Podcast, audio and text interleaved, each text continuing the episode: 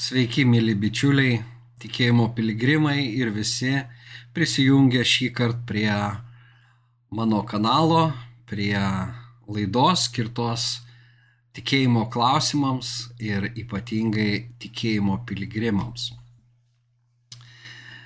Klausimas, kurį užduodu, gali pasirodyti kiek keistas. Dievo karalystė. Savintis ją ar skelbti. Tačiau mano įsitikinimu, e, kaip mes atsakysime į šį klausimą, e, apspręs e, ir mūsų gyvenimą su Dievu. Teisingas atsakymas ir suvokimas iš tiesų labai padės tikėjimo kelionėje. Na, todėl ir kviečiu apie tai pakalbėti.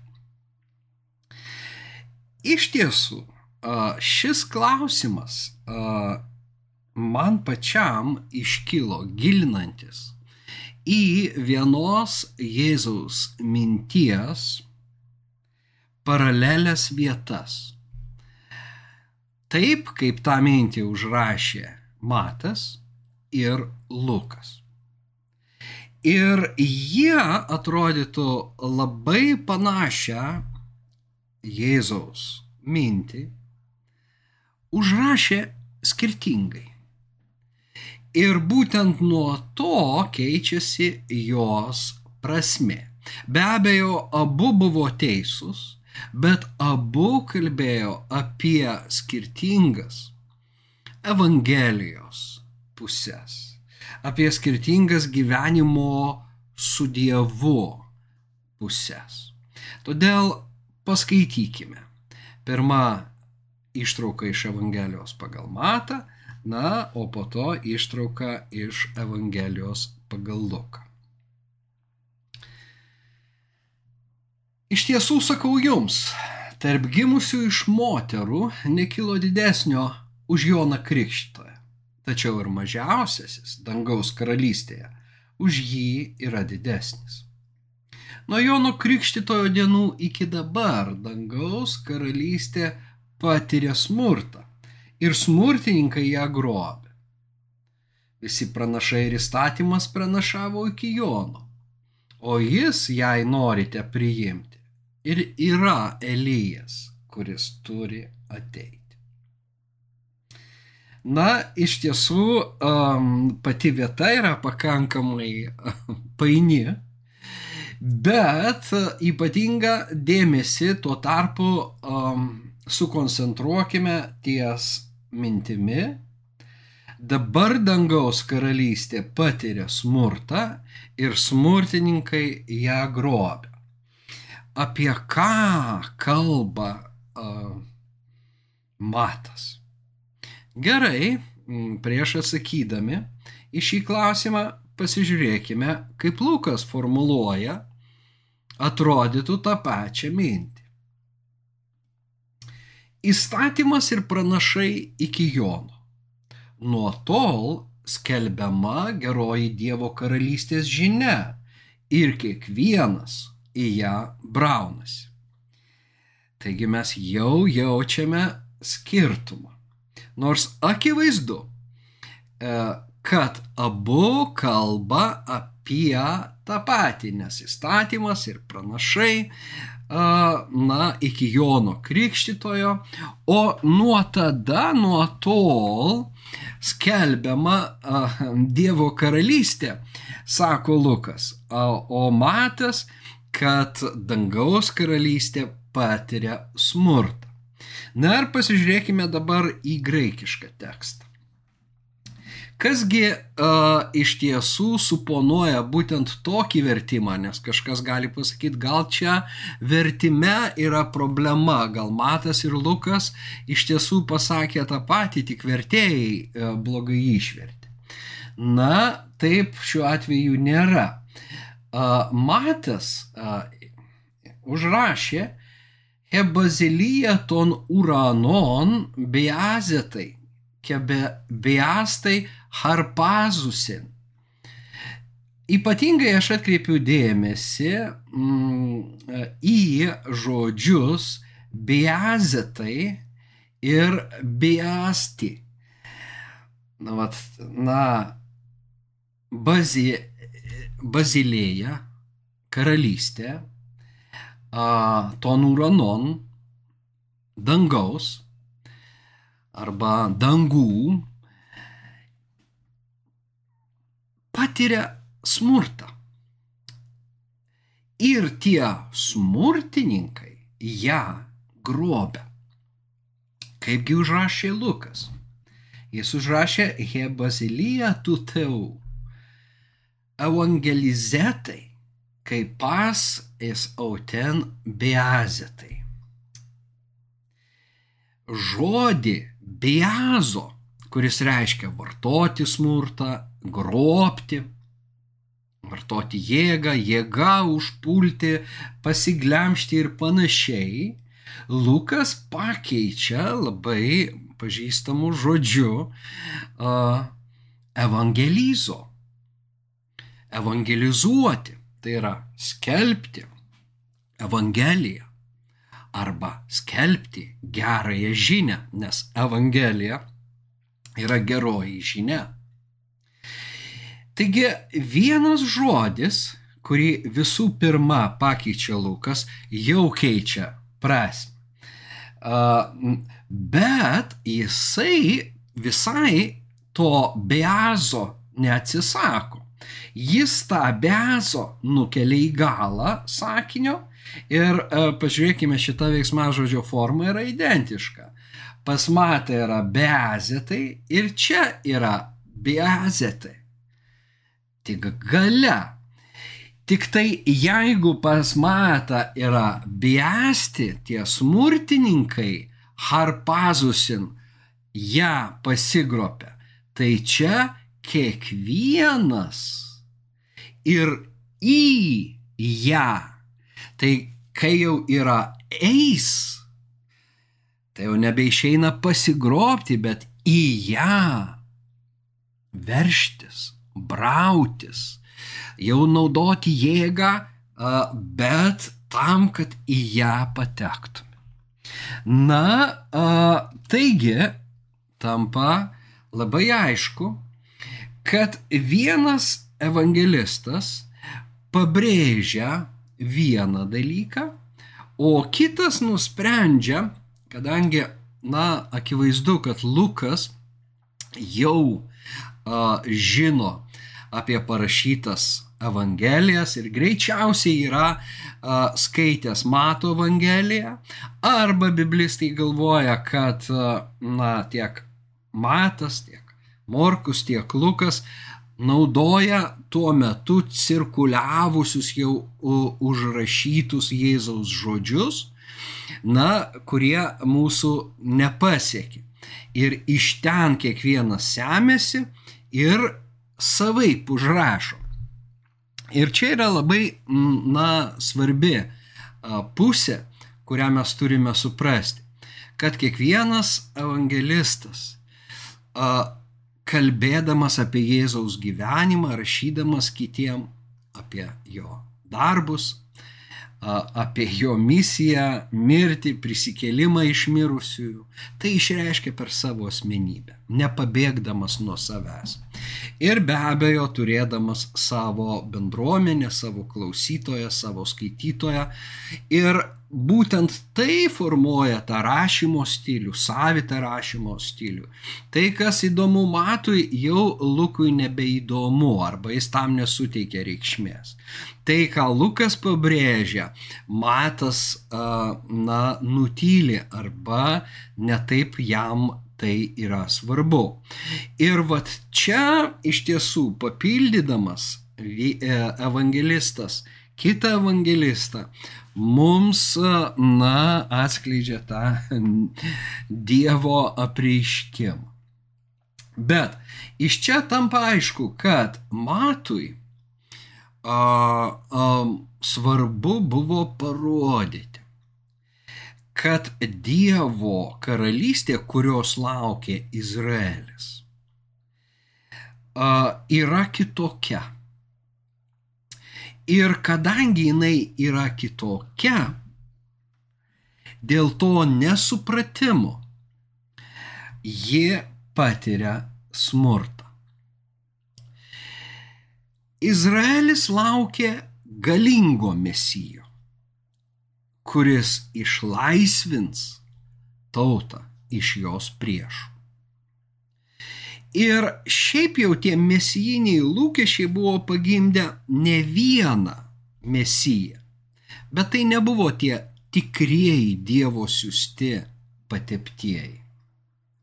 Tačiau visi jie, na, buvo karžygiai. Jonas Krikščitojas, kuris sakė atsiverskite, nes prisertino dangaus karalystė arba Dievo karalystė. Mes matome, kad Matas labiau vartoja dangaus karalystę.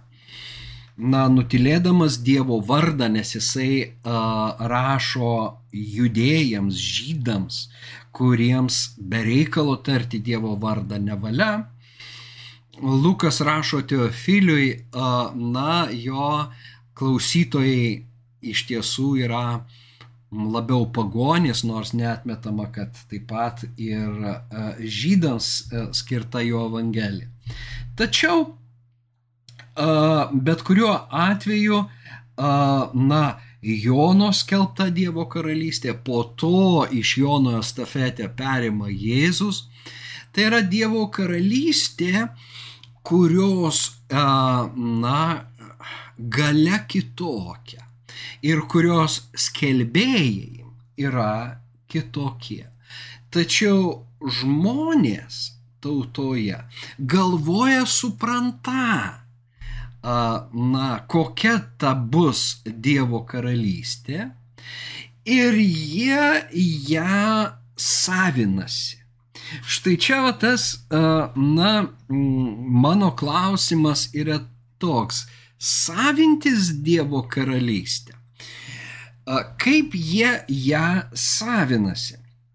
Na, visų pirma, jie savinasi ją teologiškai, suteikdami jai tas reikšmės, kurių joje nėra. Bet jie pasisavina. A, tokiu būdu, a, sakydami, štai tokia yra Dievo karalystė. O kadangi Jonas ir Jėzus yra kitokie, jie negali būti iš Dievo.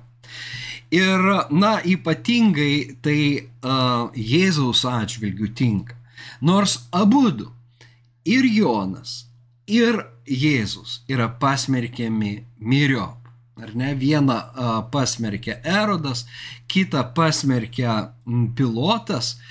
Na, be abejo, uh, už to stovi Izraelio uh, elitas kilmingieji ir uh, juos pasmerkia, na, ypatingai vėlgi sakau, Jėzų, uh, todėl, kad jis, uh, na, skelbė Dievo karalystę, jos nesisavindamas. O jie ją ne tik teologiškai nusavina, bet ir naudodami galę kalaviją. Ir, na, a, a, būtent šitą pusę matui a, ir rūpi a, pabrėžti. Jis parodo, kad Izraelio, a, na, ta recepcija, net tas prieimimas Evangelijos yra negatyvus, jinai yra atstumiama. Ir o net Jonas Krikštytojas pradeda dvėjoti, ar Mesijas Jėzus iš tiesų yra tas, kurio tauta laukia. Kitai žodžiai tariant, matui svarbu parodyti, na, kad galingieji savindamiesi Dievo karalystę, ne, grobdami savo jėgom a, tą Dievo karalystę, jie iš tiesų jos nepriema, nes ji ateina su Jėzumi. jie ateina per Jėzų. Jėzus yra karalystės karalius, langas į karalystę, duris į karalystę, vartai į tą dangaus miestą. Ir Dievo karalystė yra tarp jūsų, jis sako, nes jis yra tarp jų. Štai taip ateina Dievo karalystė. Ir ten jos tu niekaip nenusavinsi, niekaip neužgrobsi. Tačiau šito jie nesupranta. Ir vat, na, todėl mes ir turime šitą mintį, kuri e, m, rūpėjo matui parodyti, kad Izraelis suklydo, jis kalba žydams visų pirma. Ir, na, kad smurtu Dievo karalystės arba gale tu jos a, nei suprasi, nei priimsi, nei užvaldysi, bet greičiausiai prasilenksi. Vienintelis a, būdas ją patekti - tai atsiversti, atgailauti, pasikeisti, nusižeminti iš tiesų, a, numesti kalaviją arba kišti atgal tą kalaviją į makštį ir priimti Dievo teikiamą malonę, kuri ateina su Evangelija. Na, bet Lukui netiek įdomi yra šita pusė, nes jo, jo auditorija, na, susiduria su kitais iššūkiais. Ir jis paėmęs tą pačią Jėzaus mintį, ją šiek tiek adaptuoja jau savo klausytojui. Nes jo klausytojas greičiausiai, na, nebėra tas mato klausytojas ir jam svarbu, o kaipgi visgi, na, patekti į tą Dievo karalystę. Ir ar a, reikia įdėti kažkokių pastangų ir Lukas sako taip tos pastangos yra reikalingos. Bet Dievo karalystė yra skelbiama, na, o tada jau tu žiūrėk. A, kelias į Dievo karalystę yra siauras. A, na, tai yra pabrėžiama ir a, tie, tie vartai ankšti ir pro juos ne kiekvienas praeina. Reikia vėlgi kažko, kad tu patektum, o tas kažkas yra tavo širdies stovis, a, na, ir tavo santykiai. Ne tik santykis su Dievu, bet santykis į žmonės. Ir va čia aš norėčiau šitą kontekstą jums parodyti. Dabar a, pakankamai apie matą pakalbėjome, todėl nors aš esu išrašęs, bet a, a, kol kas aš neskaitysiu mato a, konteksto, į galą nukelsiu. A, na, tik tai um, Jo, eikime iš karto prie Luko. Nes Lukas įkelia į labai skirtingą kontekstą.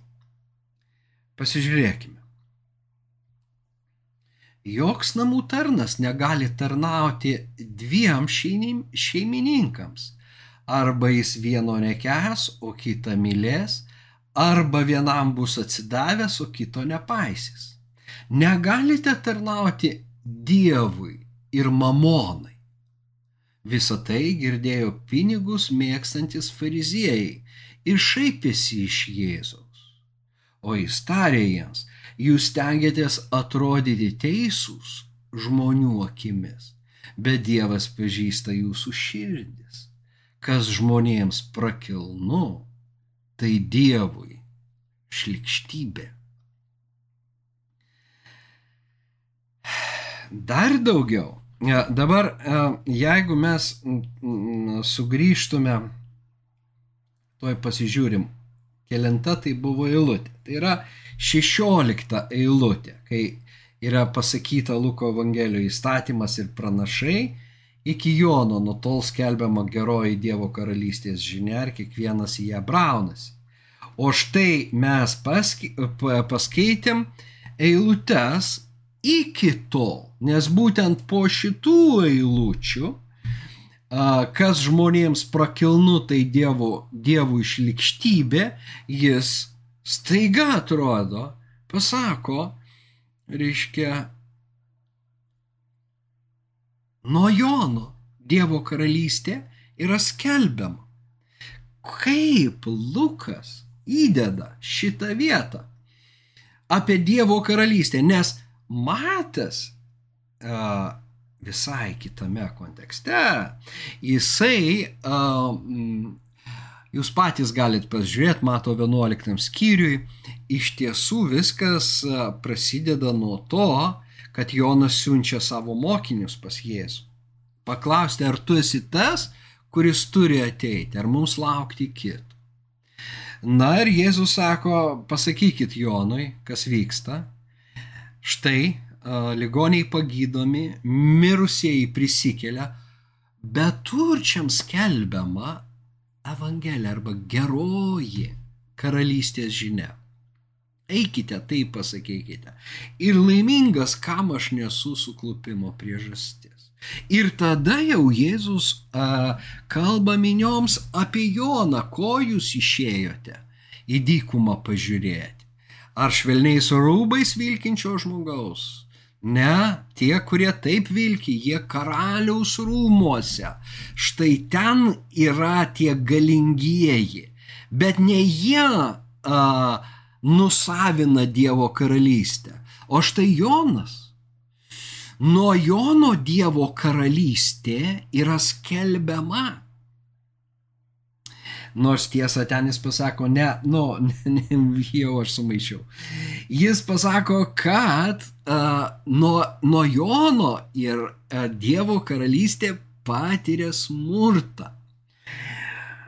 Jūs matot, uh, reiškia, ten yra tas vienas kontekstas. Tada dar jisai sako, kad, na, Jonas vienaip jie, uh, skelbė karalystę, aš ją skelbiu kitaip. Galim būtų pritaikyti mm, patarlę, mes jums uh, grojame raudas, dainavome raudas, jūs neraudojate, mes jums uh, linksmas dainas dainavom, o jūs nešokote. Na, štai Jonas atėjo negerintis, nevalgantis, jūs sakote, uh, Jis demono apsėstas, štai žmogaus sunus ir valgantis ir gerintis, jūs sakote, jis yra a, mokesčių rinkėjų ir nusidėjėlių bičiulis.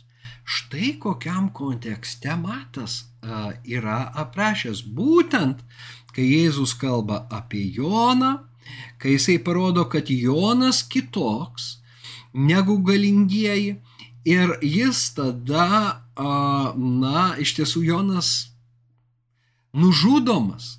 Ir va tas, tas na, negatyvus požiūris į Evangelijos kelbėjus matui ir yra svarbiausias.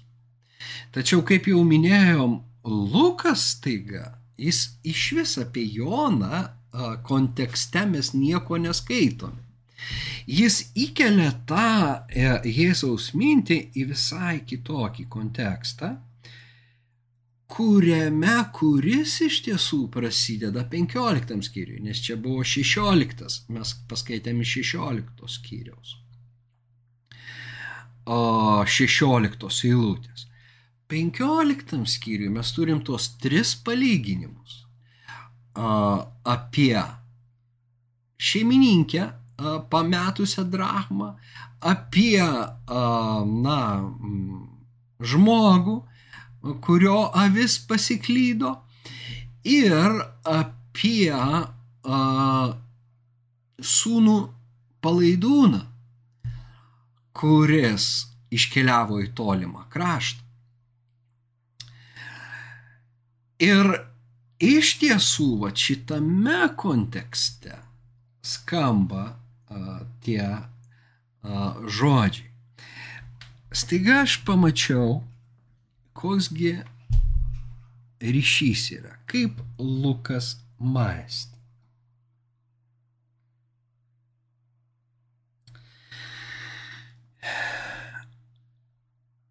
Penkioliktame skyriuje yra parodoma gailestingumo stoka. Ir uh, išdidumas, neleidžiantis fariziejams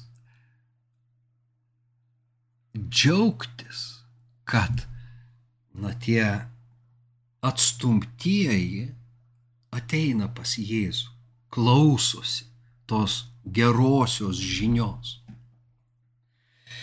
A, iš tiesų, a, jie priekaištauja Jėzų, kad jis bendrauja su tokiais žmonėm. Ir tada jis sako, na, iš tiesų, moteris turinti dešimt drachmų, pametus vieną jos ieško, jeigu atranda, na, jis sukviečia savo kaimynės, sakydama, džiaukitės draugė su manimi, aš atradau drachmą, taip pat ir piemuo, na, šeimininkas, kurio prapuolė viena avis, palieka tas 99 teisėsias ir, na, 99 avis ir tada eina iškotos vienos ir sako kitiems džiaukitės su manimi. Ir tada Jėzus sako, taip ir angelai džiaugiasi danguje dėl vieno atsiverčiančio nusidėlį. O jūs kažkodėl surūgę ir man priekaištavėte, kad aš bendrauju su šitais žmonėm. Ir tada yra, na, sunaus palaidūno istorija, kurioje mes turime štai tokią, mm, tokį epizodą, kad sunus atsėmė savo dalį iš tėvo, kas buvo labai, na, neįprastas dalykas, nors įmanomas to meto kultūroje. Ir iškeliavęs į svetimą šalį, jis išvaisto tą turtą. Tai va čia tas žodis išvaisto yra labai svarbus. Jis nuskamba ir brolio lūpose jau po to, kai tėvas kviečia ir tą brolį, jo savo vaiką, savo sūnų, kuris jo namuose visą laiką gyveno, niekur nebuvo ir nieko neišvaistė, bet brolis sako, štai grįžo šitas tavo sūnus, išvaistęs turtą su kekšėmis išvaistęs turtą su kekšėmis. Ir vad aš pamačiau, kad šešioliktame skyriuje kalba iš tiesų eina apie godumą, apie pinigus. Ir kaip mes skaitėme, daroma išvada, Jėzus atvirai pasako, negalite tarnauti ir Dievui, ir mamonai. O visą tai girdėjo pinigus mėgstantis fariziejai ir šaipėsi iš Jėzaus. Taigi tie fariziejai, kuriems Jėzus pasakė tuos tris palyginimus, ir tie palyginimai kalbėjo, kodėl jūs nejautrus, kodėl jūs negailestingi ir kodėl jūs surūgę, kai paprasti žmonės gauna Dievo karalystės dovanas, tą, na, Dievo meilę, Dievo džiaugsmą. Jie, jie atranda Dievą. Kodėl jūs tokie surūgę? Ir čia pat yra kal, kalbama vėlgi apie ūkvedį, kuris iš, išvaistė šeimininko a, patikėtą turtą. Bet jis pasielgė išmintingai, jis nurašė skolininkams skolas per pusę ir įsigijo draugų tų skolininkų akise. Tai yra pirmas palyginimas. O antras palyginimas yra istorija apie turtuolį ir lozorių, kuris a, na, buvo visiškai beturtis ir maitinusi trupiniais, krentančiais nuo turtuolio stalo. Bet kai jie abu mirė, Lozorius buvo nuneštas į Abromo prieglopstį, o štai turtuolis patyrė didelės kančias. A, ten anapusybėje. Ir staiga man susidėliojo uh, viskas į labai nuoseklę mintį, Luko mintį, kurią jisai nori perteikti. Ogi tai, kad uh, visi į Dievo karalystę braunasi, net ir fariziejai bandė, reiškia, į ją eiti, bet jų godumas neleido. Iš vienos pusės mes turime tuos nusidėlius švaistūnus ir iš kitos turime tą sūnų namuose, kuris tėvui priekaištauja, tiek metų aš tau tarnauju ir tu man net ožiuko nedavai su draugais pasilinksminti. Sūnus buvo godus va šito aš nesu niekur skaitęs, bet aiškiai Lukas vysto šitą mintį, kad jis buvo tas, na, godus, užtat jam labai suskaudo širdį, kai staiga toks dosnus pokelis sugrįžusiam jaunėliui yra surengiamas. Tas išvaistė ir tėvas dabar švaisto o aš tai niekam neduodu. Ir nieko negaunu, kaip jam atrodo. Bet iš tiesų tėvas sako, sunau, tu visuomet su manim. Visa, kas mano, yra tavo. Tau iš tiesų pakanka visko. Bet tavo širdis yra neteisi. Ir, na, vat, čia yra tas šikštumas, godumas, kaip kliūtis bendrauti su Dievu, suprasti jo a, žinę, jo teikiamą meilės dovaną Dievo karalystė. Na va, nežinau, ar man pavyko a, perteikti, nes aš šiek tiek a, kalbu, tarsi jūs labai gerai žinotumėt tą tekstą. Todėl geriausia, ką būtų padaryti, ką jūs galėtumėt padaryti, perklausę, na, šias mano mintis, tai atsiversti Mato 11 skyrių, jį perskaityti ir tada perskaityti Luko 15 ir 16 skyrių. Ir jūs pamatysite tiek tuos skirtingus kontekstus, kuriuose nuskamba žodžiai apie smurtą ir Dievo karalystę, ir iš kitos pusės apie veržimąsi į Dievo karalystę. Ir pamatysite, kad, reiškia, Lukas, na, e, išryškina būtent tą kliūtį kaip meilė pinigams godumą fariziejų jisai atskleidžia, negalite tarnauti Dievui ir mamonai. O Matas pabrėžia, kad uh, jūs norite nusavinti Dievo karalystę per bažnyčios istoriją. Iš tiesų, na, Dievo karalystė buvo teologiškai nusavinta konfesiškai ir šiandien mes turime daug pavyzdžių.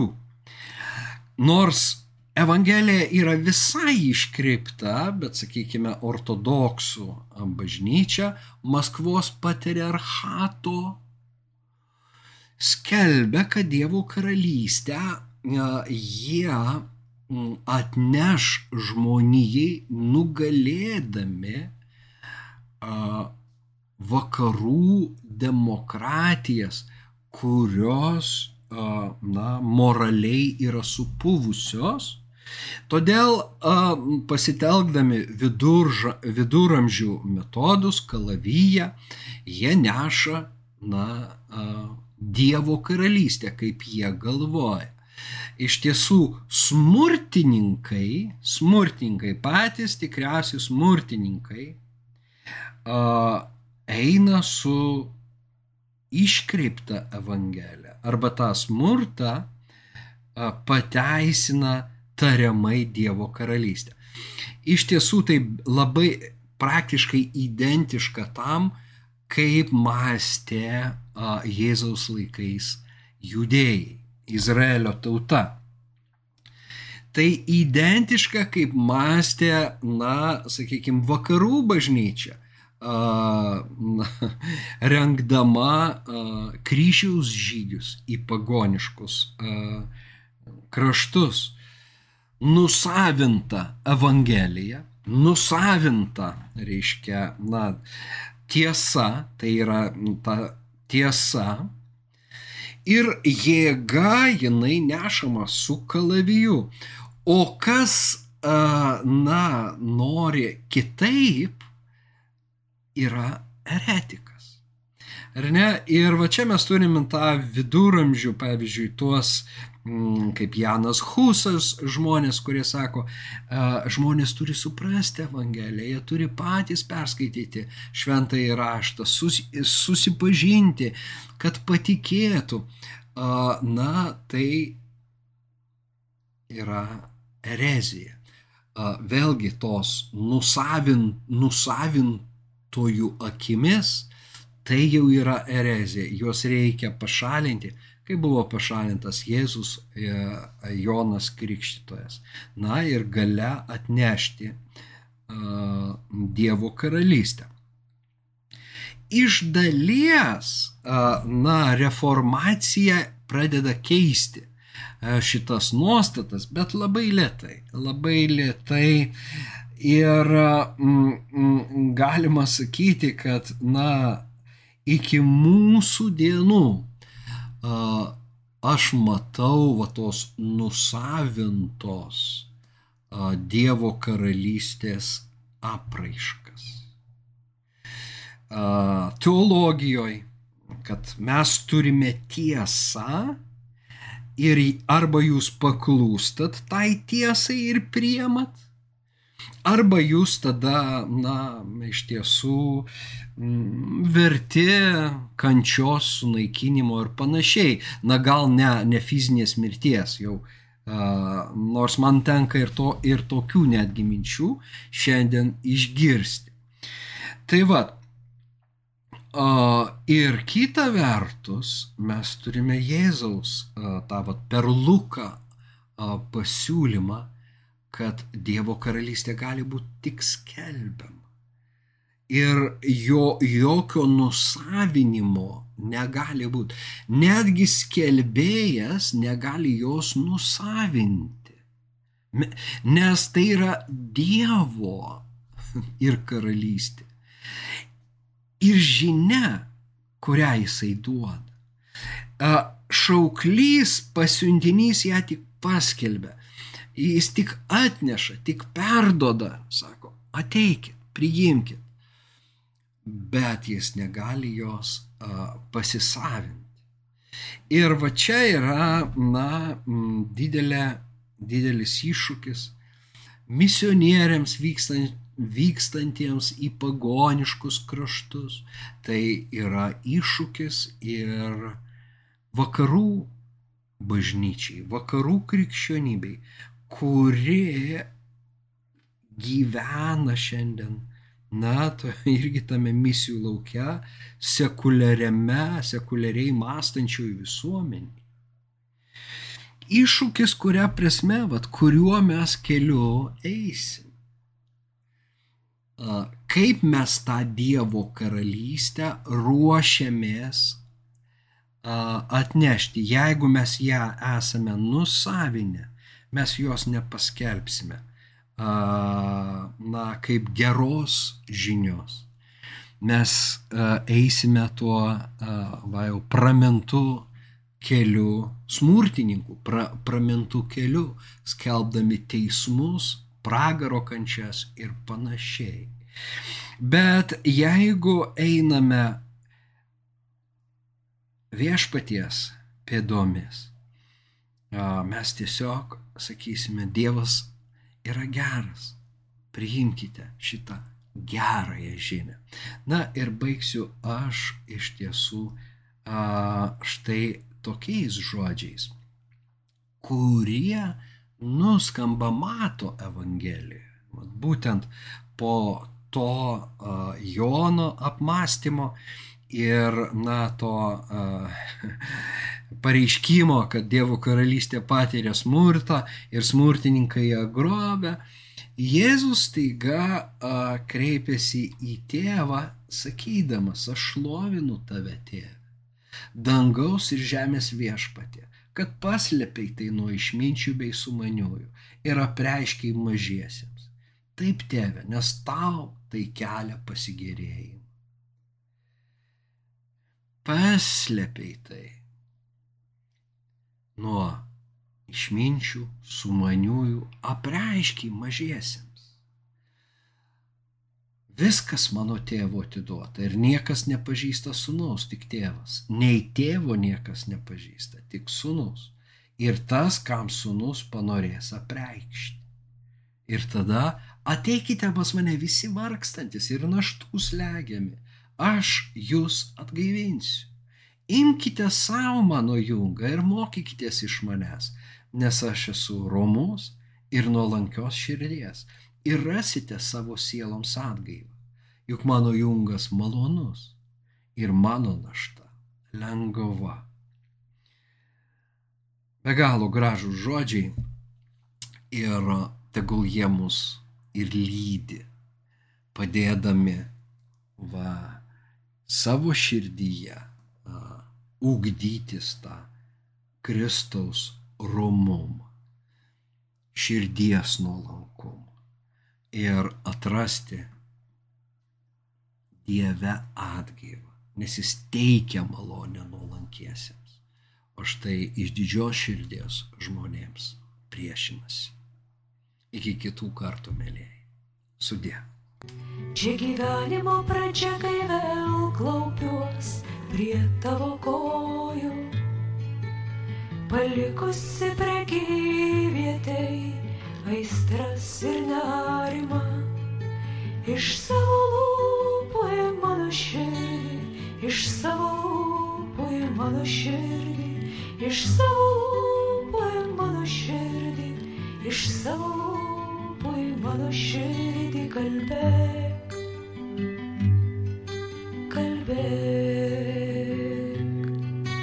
Iš savo lūpų į mano širdį, iš savo lūpų į mano širdį kalbė.